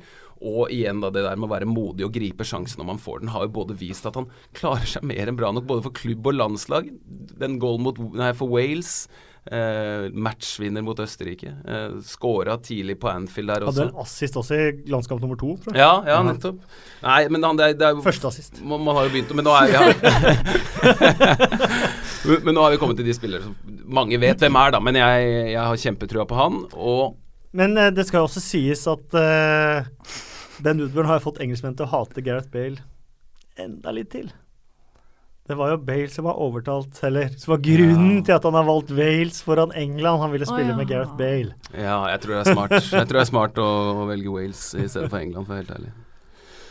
Uh, Førsteplass. Toppen. Er vi klare? Oi. 19 år gammel fra Manchester United, Marcus Rashford. Uh, alle kjenner han jo selvfølgelig. Han har et uh, vanvittig toppnivå når han får brukt farta si. De, de kjappe triksene, og spesielt innsideavslutningen syns jeg han er. Men det er der Det også han er- har litt å hente på, Ja, Ja, men jeg, end product. ja, men jeg tenker at det har også med det der å, å- stabilisere stabilisere seg på et høyt nivå, da. Hvis han kan være oftere på toppnivået sitt, da er han omtrent ustoppelig, uansett eh, hvilket lag og hvilken back og hvilken forsvarsspiller han møter. Og han er i utvikling. Eh, elsker virkelig å se på Marcus Rashford eh, spille fotball, og slår meg som en eh, lærevillig og ydmyk Mm. og, og veldig fin fyr Ja. også. Fin fyr, tenker jeg òg. Mm. Det er litt gøy å se at det ikke bare Skal ikke stemple alle som blærer, men det er jo en del av dem. Så det er jo alltid hyggelig når det kommer opp eh, spillere som virker relativt med bakkekontakt og normal i toppen. Og det er, når, det er når du ser at han fortsatt er 19 år, Mm. at du skjønner Ja. at de rest, på resten av gjengen på lista, Ja. og utafor lista, Ja. har et stykke å gå. Ja, ikke sant. Og litt tilfeldig at han fikk sjansen. Han greip den med begge hender. Eh, Mm. Man må jo si at Gabriel Jesus er 20 år, da. Så det var sånn jeg vurderte å ta med 20-åringene, og da hadde jo Gabriel Jesus vært oppe og snust like hvis han hadde blitt veldig vanskelig. Det er mange, mange 20-åringer rett og slett Mm. som, eh, som ikke har fått uh, plass. For jeg gikk og titta på en del uh, 20-åringer, og det er, det er overraskende mange som akkurat har tippa, tippa 20. Mm. Eh, men det gror eh, godt. Nå skal jeg utfordre deg på et par navn. Mm. Eh, Brahim Diaz i Manchester City, men ikke minst også Phil Foden. Ja, men jeg er helt enig. 2000-modell er Phil Foden. Ja, og da begynner det å bli sånn. Men litt av grunnen altså Apropos kriteriene mine, da, så, Mm. blir det, så blir det akkurat sånn at jeg tror at i, og med klubben de er i, og, og alderen og sånne ting Apropos Nei, ap absolutt. Eh, du har jo eh, Maffeo som er utleid Mm. til til, Girona. Han kan jo ikke ta med, siden dette er en eh, Premier League-liste. Men jeg, jeg tror at det er en god del spillere der som, om det ikke blir Manchester City-viktige brikker, så kommer de til å spille for eh, litt eh, mindre klubber og dårligere lag. Eh, en spiller som jeg har likt, det jeg har sett. Eh, vunnet begge kampene han starta denne sesongen. Eh, Sam Field i West, Bromwich. ja. Mm. Han er også veldig ung. Det er, nei, han er, er han født i 99 eller 98 er han vel faktisk. Ja, det var vel snakk om at han, han er født uka etter at Gareth Barry debuterte, tror jeg. Ja, I, ja, I Premier ja. League. Noe sånt. Men jeg er helt, helt enig. Han ser også ut som at han eh, etter hvert er for, for bra for den klubben. Eh, ja. West Bromwich overraskende nok. De har mye, mye Mm. bra talent. De har John Tenlico eh, utlånt. De har jo han der raske Taylor Rob Tyler Roberts Mhm. også utlånt. Eh, og så to eh, Dette er store, egentlig, personlige favoritter. Eh, Timothy Fosumensa, det var Mm. sånn kjærlighet ved første Mm. blikk. Fysikk som et kjøleskap. Eh, Ja, ja, jeg ja. han, jeg, jeg ble altså så hodesus forelska i, han, og jeg skulle ønske han spilte fast i Manchester United. Jeg er helt enig. Han, han, må, han, må, han må bli mer, eh, mer voksen i valgene Ja, det sine. blir gøy å er- se han nå for. Palace, da. Og han har vist, selv i et dårlig Palace, at han har klasse. Ja, altså han, løper jo opp spillere hver gang, men det er et eller annet litt med valgene og posisjoneringen fortsatt som gjør at han ikke er tipp topp. Men han kunne absolutt ha vært inne på både topp 10 og topp 7, da. Ja. Jeg prøvde å være litt original, men Axel Tuansebe. Ja, også god. Også Mhm. god, ja. Eh, veldig god kompis med Virker det som. Det er, han er en veldig del av gjengen, da, sånn jeg syns det ser ut. Han dukker veldig mye opp i sånne videoer og kompis med Pogba og, og gutta. Tok T-banen med Aron Dønnum etter Vålerenga-Manchester United. Det sendte litt der òg. Ja, og han sa han var så sjanseløs mot. At han skjønte liksom Mm. Og, de, og Dønnum er kanskje eldre enn Tuansebe, faktisk. Er, han var i hvert fall ikke noe særlig yngre. Uh, og han sa at det er nivået, liksom. Man må, Mm. man må, man må tenke på uh, Um, en som jeg er, nå, er det nesten så man skjønner at det ikke er på lista, men, men som er Josh Timon. Mm, Imponerte meg for Hull da han spilte Mm. der, etter å få sånn lyspunkt Mm. der. Ademola Luckman. Ja, jeg liker han også. Ikke fått sjansene nok, kanskje. Veldig god i Charlton. Eh, og- så har du alle disse andre Everton-talentene som da faktisk har fylt 20. Vlasic òg. Søstera til Blanka Vlasic. Broren, ja. Broren, mener jeg. Ja, og så er det jo uh, noen av de jeg nevnte som kunne vært på lista. Absolutt. Det er et par-tre som i uh, hvert fall snuste, og kanskje til og med hadde fortjent en plass. Eh, vi har lyst til å gi en shout-out òg. Til Kevin Nolan. Alltid, alltid åpen for det. Ja. Eh, da han tok over Notts County, så var de på ferd med å forsvinne ut av Skal jeg hjelpe deg litt med kaffen, uh, Gunhild? Eh, Takk, takk, takk. Bare holde takk, takk. koppen Ikke for full. Eh, nei, eh, da han tok over Notts County forrige sesong, var de i- i ferd med å forsvinne ut av ligasystemet. Eh, De var vel egentlig Det var sånn så å si alt håp ute. jeg redda dem. Ja. Berga plassen. Nå er de helt i toppen av league 2. Og det er bøss rundt Notts County. De har hatt over 10 000 på et par hjemmekamper eh, også på Kampa. Og gjør en fantastisk jobb. Og han var i Laton Orient. Ja, det gikk ikke så bra, men det var mye eiere sin skyld. Ja, altså. ja, Ja, mm. Der eh, tror jeg ingen kan ta noe, noe skyld for noe Men som Notts County var jo en klubb som du ble, ble, ble satsa litt i for noen, eh, Ja, noen år siden. Ja, henta Svennis og Kasper Schmeichel Ja, ja, og. Soul Campbell. Men Soul Campbell tok bare én kamp, og så bare Vet du hva, dette her skal jeg aldri gjøre. Men nå er det Kevin Nolan som er kongen. ja. Eh, og det er, eh, det er faktisk eh, ganske morsomt.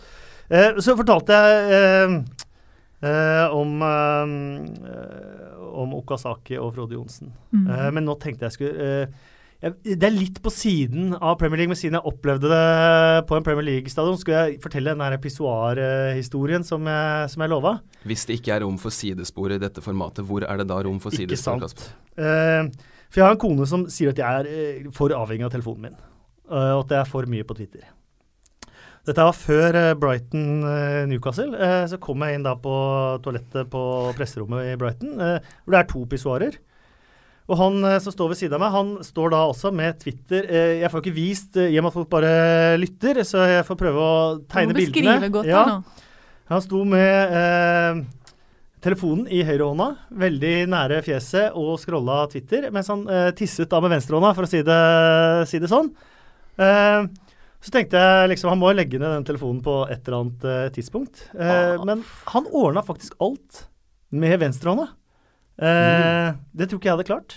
Jeg Hva med deg? Du har kanskje ikke den erfaringen, Gunnhild, men hva med deg, Simen? Må jeg bare prøve å demonstrere Nei, ikke Nei, Nei, ikke, ikke ikke, hele siste, ikke ikke hele siste del av prosessen, nei. nei. Han tok hele prosessen da med, med venstrehånda. Og så går jeg altså vasker jeg hendene. Eh, og han står da ved vasken med fortsatt eh, mobilen i høyrehånda og nistirrer på Twitter. Så trykker han på den eh, kranen eh, som gjør at det kommer vann ut av krana. Så vasker han også venstrehånda mens han er på Twitter. Og så går han til den blowdryeren etterpå og tørker venstrehånda mens han fortsatt er på Twitter. Og går da altså ut av toalettet uten å ha hatt øynene vekk fra, Fra Twitter. Twitter. Men ha, øh, såpe? Hvordan fikser han det? Var det sånn Uten såpe. Uten Uten såpe. Ja. Nei, der ser du, det er problemet. hen. Ja. Ja, hender. Det holder ikke. Nei, det holder Nei, ikke det det. er ikke det. Men altså, så skjønner jeg faktisk ikke helt hvordan han gjorde det, egentlig. Eller Nei, det er, det er ikke så rart at du ikke skjønner. Ja, men det, jeg har problemer med å skjønne hele den prosessen selv, jeg, med bare Men sto du liksom og bare glana på hele greia her, du da? Nei, men jeg kom jo ved siden av og, og tissa Nei, på jo, du må jo Sorry, Men jeg må jo innrømme at jeg var fascinert. Ja. Fryktelig fascinert. Ja, Og så tenker jeg at nå har jeg et argument neste gang eh, min kone eller andre mener at jeg er for avhengig av telefonen. Så er det han her du skal trekke opp, liksom. ja, det er akkurat det jeg skal. Ja. Det spørs om du får eh, spørsmål om det har klikka for deg i retur i stedet. Kasper.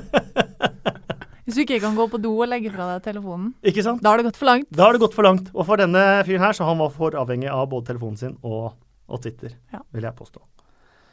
Eh, engelske lag i Europa nå, Mm. denne uka. Spennende. Eh, det kanskje mest spennende er at både Manchester United og Liverpool skal til Moskva samtidig. Ja, og øh, må jeg håpe at det går bra, da. Eh, sånn øh, supportermessig. Det er jo ikke en selvfølge, det, liksom. Eh, Så med vi- EM i fjor friskt i minne. Det Mm, det var, det var eh, skrevet, så jeg nå sist, at de har fått klare beskjeder om hvordan de skal oppføre seg, i alle fall. Men eh, det, det er ikke alle som evner å, å høre etter sånt heller. Men også, også og så det er jo ga, ganske åpenbart at det i hvert fall var rimelig iscenesatt det, det russerne drev med i Marseille i fjor. Hvilk, hvor høyt hold dette kom fra, det, det vet vi jo ikke helt sikkert. Men vi må bare håpe, håpe, håpe at det ikke er noe som er eh, satt i stand nå. Så blir det jo vanskelig på banen også, eh, i hvert, fall for, hvert fall for Liverpool, tenker jeg. Og den kampen Mm. er, eh, er viktig. Altså det, er, det er viktig for eh, for disse engelske lagene å bli først i gruppa. Eh, for å ha noen mulighet til det, så, Mm. så tror jeg Liverpool nå, nå er nødt til å Ikke nødt til å, men de bør eh, vinne borte mot Spartak Moskva. Men det er liksom eh, Og det så vi EM òg. engelskmenn på reise. Det, det, det, er, det er mye hemninger som forsvinner. Mm. Og det er mye drikking, Uh, synging, og så er det en del sånn avtal oppførsel. Mm. Men det er, ikke, det er ofte ikke verre enn avtal oppførsel. Eh, og ikke det at jeg syns at avtal oppførsel er greit, så jeg prøver ikke å forsvare det på noen måte. Eh, men det russere drev med i EM, var jo organisert dreping. Eh, og jeg så et intervju med en av de eh, som holdt på der, eh, fikk spørsmål om hvorfor er dere virker veldig organiserte. Og han sa det er ikke så rart, for vi aller fleste har jobb hvor vi har uniform hjemme i Russland. Mm. Vi er enten i militæret, eller så er vi politifolk. mm. Eh, så vi er vant med å være organiserte. Men Russland har et EM, nei, VM som kommer neste sommer òg. Eh, det vil se, ta seg fryktelig dårlig ut om det eksploderer i, i, i Moskva Mm. eh, tirsdag-onsdag. Ja. Uff. Ja, Ja, ja, det er bare man må Bare håpe at det går bra. Også. vi håper det går bra. Og så kan vi jo, eh, selv om eh, det kanskje er en av de Det er kanskje ikke den kampen som trekkes fram på TV, men Tottenham møter jo Apoel. Med omgangssyke. med omgangssyke. Men jeg syns bare det er så gøy å tenke på at Gya Saeed var og laffa rundt i Kristiansund og overalt og sleit eh, under eh, Deila på, på Vallen og hele sesongen. Og nå er det bare livets glade dager med Cristiano Ronaldo og Tottenham og Han bytta drakt med Marcelo i forrige runde, gjorde han det? Ja, det, Det lurer jeg faktisk på om jeg så på Instagram. dum. Den er ikke dum. Men det, det, det snur fort i fotball, da. Ja, Fra nedrykksspøkelset i norsk lille, koselige eliteserien til å være ute på den store arenaen der. Fy søren, så kult. Men for Tottenham så dreier det seg om å komme nummer to. Selvfølgelig. Eh, og da er Og det jo Dortmund start. Som ser ut som den sterkeste motstanderen der. Mm. Det å skulle reise ned der uten Christian Eriksen var flere òg, med omgangssyke, det er jo ikke ideelt. Overhodet ikke. Men uh, vi får håpe at uh, det er solid nok, det som uh, dyttes inn, da. Ja, for jeg føler Tottenham har kanskje sånn 16 første elverspillere, Mm. og så mangler de nummer 17 og ned. Eh, og så er det litt sånn hipp som happ hvem av de 16 på veldig mange posisjoner som, Mm. som spiller. Mm. Ja, Eh, omgangssyke rammer. og det, og det, ja, det, ja, det er jo Jeg tror det er bra at det rammer, rammer Tottenham, for Tottenham er jo sånn at det Ikke helt uansett hvem som spiller, men Nei, Eriksen er- nesten Ja, Eriksen er viktig, men u, ne, nesten uansett hvilke spillere de har på banen, så har de et veldig lavt Nei, høyt laveste nivå. Og det kommer godt med eh, i den type kamper, så jeg tror de skal, de skal vinne den. Så vi Arsenal spiller på mandag, før de skal langt ut i Øst-Europa på Mm. torsdag, og så spille på søndag. Formiddagskampen på søndag igjen. Ja, det er to Hjemme mot. Brighton. Hjemme mot Brighton.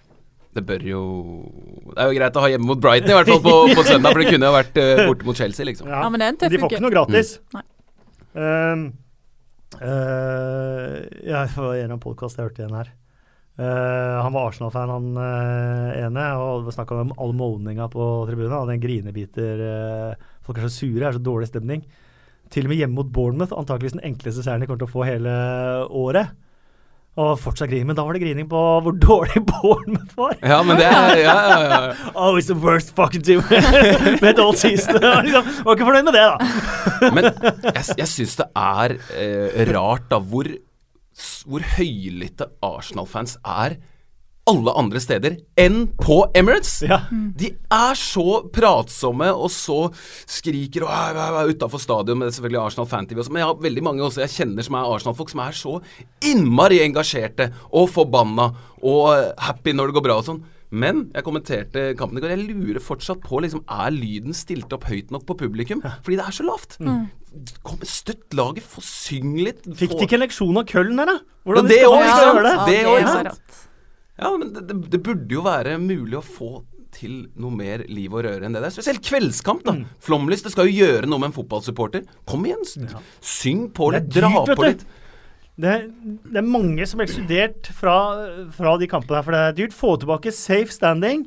Eh, Nå er vi i- inne på en ny kjøper. I en, eh, en av kortsidene hvor billettene koster maks 15 pund per. Så jo mer velstående du er, jo stillere er du, er det du sier? Jo mer publikum blir du.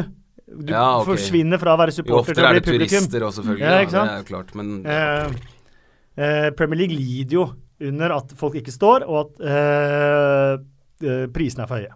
absolutt. Eh, vi går en Vi trenger ikke gå veldig eh, hardt inn på den kommende runden, men vi har jo eh, en match som på mange måter ble definerende forrige sesong. Chelsea-Manchester City. Mm. Det kommer til å bli litt av en kamp. Jeg føler at den kampen er helt åpen, sånn som det er nå. To av de fire beste lagene i Premier League. Uh, to managere som uh, Som er i ypperste verdensklasse. Og vi må jo bare si at i, i, i de kampene forrige sesong så var det jo veldig jevnt. Uh, Manchester City var strålende fram til eh, Fram til den bommen til De Brøne på blank kasse der hadde blitt 2-0. Og eh, som du er inne på, Kasper, da, da kunne ting ha sett veldig veldig annerledes ut. Men det er gjerne sånn, da. I så store kamper med så godt forberedte managere, så bra spillere i så god form, så er det oftest eh, en eller annen stor prestasjon, en tilfeldighet, en dommeravgjørelse sånn som som gjør at eh, det ene laget vinner og det andre laget ikke vinner. Så, men det, jeg gleder meg til å se en Premier League-kamp med, med topp kvalitet. Det kan ikke bli dårlig. Så gleder jeg meg til å se Manchester, United, nei, Manchester City-forsvaret blir ordentlig utfordra. Mm. For det har det ikke blitt ennå. Men, men syns du det er liksom eh, Så klarer du å peke på en favoritt der, nå? I det oppgjøret? Mellom de to lagene, Chelsea hjemme, sier Chelsea. Mm. Bare så vidt der. Det er, det er så veldig Men det, det har å gjøre med, med det du er inne på, Kasper, at jeg er fortsatt ikke overbevist. Jeg elsker å se på det offensive til Manchester City, men jeg så dem også i den første gangen mot Crystal Palace. Det er, det er mye der som er gærent. Altså, de kommer til å være bedre organisert i denne, men det er ikke i Guardiolas DNA å sette opp et lag til å forsvare seg. Og borte mot Chelsea så må de forsvare seg. De hadde flere poeng forrige sesong etter eh, likt antall uh, runder. Mhm. Men det Ja, ja, også er det det, da, sånn for det- det ser mye bedre ut. Men er det ikke sånn Manchester Citys dårligste start på flere år, eller noe sånt? Jeg tror, jeg tror det var det, skjønner du. Men det er jo Jeg kan jeg ikke tenke meg det der. Én uavgjort og resten serie? Ja, men de har vunnet i alle fem, jeg tror det Ja, nei, jeg skal ikke være helt skråsikker, altså. Men jeg tror det var noe i hvert fall dårligere enn i fjor. uh, og så har du selvfølgelig Rafa Benitez som møter uh, Liverpool igjen. Det blir gøy, det òg. Ja, Ja. de elsker hverandre. ja. Apropos godt forberedt manager. Ja. Han, eh, og eh, det, det er Liverpools store problem når de må, når de må uh, spille mot etablert forsvar. Det som er greia, er at Sadio Mané er tilbake. Og med Sadio Mané og uh, Mohammed Salah eh, som bytter på, Mm. og gjerne samtidig også strekker ned i en møte, kan få ballen i føttene, kan få ballen i rom, så blir det eh, mye vanskeligere for Newcastle enn det ble for eh, Burnley f.eks., som, som klarte å vinne, eller det ble for Leicester nå, som holdt på å få poeng mot Liverpool. Og så har man liksom eh, I denne her Coutinho-sagaen så har jo eh, i løpet av august der Coutinho blitt dårligere og dårligere og dårligere, føler jeg. Nei, han er ikke vår viktigste, og nei, Mané er bedre, Salah er bedre, Firmino bedre. Alle var plutselig bedre enn eh, Coutinho, for å sette det litt på spissen. Så viste vel Coutinho mot Leicester at han fortsatt er fullstendig uvurderlig for Liverpool. Og han kan legge seg bak de tre. Og i, i begge to kampene mot Leicester, og han har vært helt vidunderlig god nå. Og ja, enig. Ligger nok eh, bak de eh, Bak de tre, og, og ellers så får jo Klopp bare velge og vrake, da. Det er jo ganske likt på, på kvalitet eh, på de andre posisjonene. Eh, Matip er vel den eneste man tenker at eh, i hvert fall burde spille. Er det ikke litt sånn klassisk, da, hvis du har vært gjennom en sånn skikkelig overgangssaga som ender i at du, du blir, så må du bare riste av deg alt eh, pratet, alt fokuset som har vært, og så leverer de jo igjen. Det må, ja, det må gjøres. Ja. Det er liksom bare det, da. Se på Sanchez nå, han så ganske frustrert ut i, i den siste matchen. Og han er fortsatt ikke, selv om han ble klappa av banen, og alt sånt, så er han fortsatt ikke eh, eh, han, han har fortsatt ikke fått den skikkelig gode følelsen da, Nei. som Coutinho nå har fått. Uh, helt til slutt så skal vi ta med noen spørsmål uh, fra Twitter. Bjørn Vestblad spør om vi kan ta opp den tydelige stemplingen til Tomer Hemmed eh, mot eh, Brighton. Er det bare Newcastle-fans som mener doble standard er påfallende? Det er mye 'had it been a Newcastle play doing that', osv. Eh, jeg var der og kommenterte kampen og må si at jeg syns den stemplingen har fått overraskende mye oppstuss i etterkant. Derfor at jeg syns det så helt uforskyldt ut. Men det er kun mitt øye. Jeg husker ikke. Du så nettopp. Det er kanskje svar, ja, men det er kanskje svar godt, no, godt nok. Det var helt Ja. i starten av kampen. Uh, han lander på en måte Stemplingen er der på Mikkel Merino, men for meg ser det mer ut som han egentlig prøver å trampe et annet vekk, men han treffer han oppå. Men uh, uh, nå blir det spennende å se om Hemmet blir straffet i ettertid, da. Ja, er det, er det noe Det har ikke blitt noe åpna noe sak? Jo, Å ja, Har det har det? okay. Ja, Å ja, mhm. såpass, ja. ja da. Uh, Nei, det har jeg ikke fått med meg. Uh, G- eh, mener eh, Omar Niasse eh, burde fått eh, skjult helt. Han fikk faktisk eh, blomsterbuketten. En gigablomsterbukett. En gigablomsterbukett. Um, og så må jeg, jeg må bare si to ord om eh, det, det, AFC Wimbledon og Milton Keanes spilte uh, på fredag. Uh, alle kjenner historien, så det er ikke noe vits i å ta hele den historien uh, på nytt. Men Milton Keanes kaller seg MK Dons. Dons er kallenavnet til uh, Wimbledon. Wimbledon anerkjenner verken Milton Keanes og klubb, eh, nærmest, og i hvert fall ikke at de skal ha tatt navnet deres i, i tillegg. Uh, jeg var på den matchen i fjor, som var første gang de møttes i Wimbledon, eller på Kings Meadow. Uh, da var forsiden av kampprogrammet helt blankt. Det sto ikke motstander, ingenting på forsiden av kampprogrammet. Eh, Milton Keanes var knapt nevnt inne i programmet. Eh, manageren skrev ikke om motstandere i sine notater, han bare skrev noe helt annet. Eh, merkeligste kampprogram jeg har sett i hele mitt liv, men jeg skjønner godt at det blir sånn nå. Og på tabellen så eh, og på stadion så ble Milton Keanes bare omtalt som Milton Keanes og ikke MK Dons. Eh, de fikk en ganske heftig bot for det, faktisk. 15 000 pund. Oi. Ehm, eh, og den betalte fansen. Eh, og så møttes de igjen på fredag, og Wimbledon gjør selvfølgelig det samme denne sesongen òg, selv om de var blitt advart på forhånd, og går nå mot en ny bot. Uh, for det første så må jo noen ha meldt dette inn for at det skal bli en sak av det. Mm. Uh, for man må jo tro da Milton Keanes faktisk har gjort det. Nå skal jeg stille et veldig ledende spørsmål. Går det an å bli nedrigere enn den der eh, klubben der? Nei, vær så god. Jeg er helt enig. Det er jo bare pinlig. Men eh, resultatet Ja, Milton Keanes vant, eh, vant denne gangen. Eh, ble dramatisk òg, ble det ikke det? Jeg skjønte at det var noe, Eh, var Wimbledon bomma straffe, og Mm. ja. Mm. Eh, jeg må jo, eh, Man er jo mye på fotballkamper i løpet av et år, men jeg må jo si at en av de beste kommentarene fra tribunen kom bak meg i den matchen jeg var på der i fjor. For det er mye, det er mye følelser i spill. Og en Milton Keane-spiller fikk gult kort, og han bak meg roper Uh, Good job, ref! Now tell me a cunt!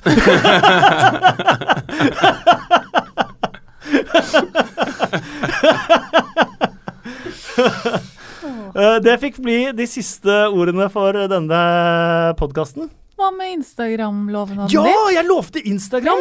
Det er jo perfekt eh, avslutning, egentlig. Så får vi en litt eh, bedre eh, avslutning enn akkurat, eh, enn akkurat de ordene der. Eh, eh, det er helt tydelig at Eller det er ikke helt tydelig, det er et velkjent faktum det at John Stones og Gary Cahill har samme, bruker samme PR-byrå. Som da styrer Instagram-kontoene både til Gary Cahill og til John Stones. Så på John Stones offisielle Instagram eh, ble det lagt ut et bilde av Chelsea-spillere som jubler. Uh, og teksten var noe sånn som Great victory today! Congratulations, big Alvaro Morata with his hat trick! Det så jeg ikke. Ble fjernet veldig fort. Eh, det gjorde den. Men uh, det spørs om det er en PR-ansatt der som fikk en liten smekk på, på. Kulere når du styrer det sjøl. Det er mye kulere når du styrer det sjøl. Ja. Stu, styrer du din sjøl, Kasper? Uh, nei, jeg har selvfølgelig folk som gjør det. Ja. Den, den, er, den er ganske aktiv, den. Instagrammen min? Ja, ja. den er bra, den. Fin, Følger, følger du det? Jeg gjør det. Du gjør det? Følger og liker når jeg Jeg følger de nå. Åh. Mm. Jeg følger Gunhild sin òg. Jeg følger de nå. Ja, så bra. Nei, nå ble det litt ekkelt her. Kjærlighet! Ja. eh, Simen, Jo. tusen takk for at du kom igjen. Takk for meg. Tusen takk for at du kom, Gunhild. Takk for meg, og beklager at jeg ødela papirene dine med kaffe. Det gikk veldig fint. Du ødela ingenting annet, og det er ganske mye utstyr uh, Ja, her, så jeg tror mange som priser bra, seg lykkelige lykkelig for det. Og så lovte jeg at dette skulle bli en av de beste podkastene vi har hatt. Det har vi holdt. Ja. Og hvis du En av de beste, hvor mange er det vært? og hva betyr en av de beste? Men- Nei, jeg kårer den til den beste. Det var gøy i hvert fall. Det var Men det. de spørsmålene må du ikke komme med nå, Simen. Du må bare si sant. ja. Og så må vi si at til dere som hører på, hvis dere er enig i det, så gå inn på iTunes og gi en rating og en kommentar, uh, kommentar der. Det hadde vi satt veldig pris på. Absolutt. Takk for nå.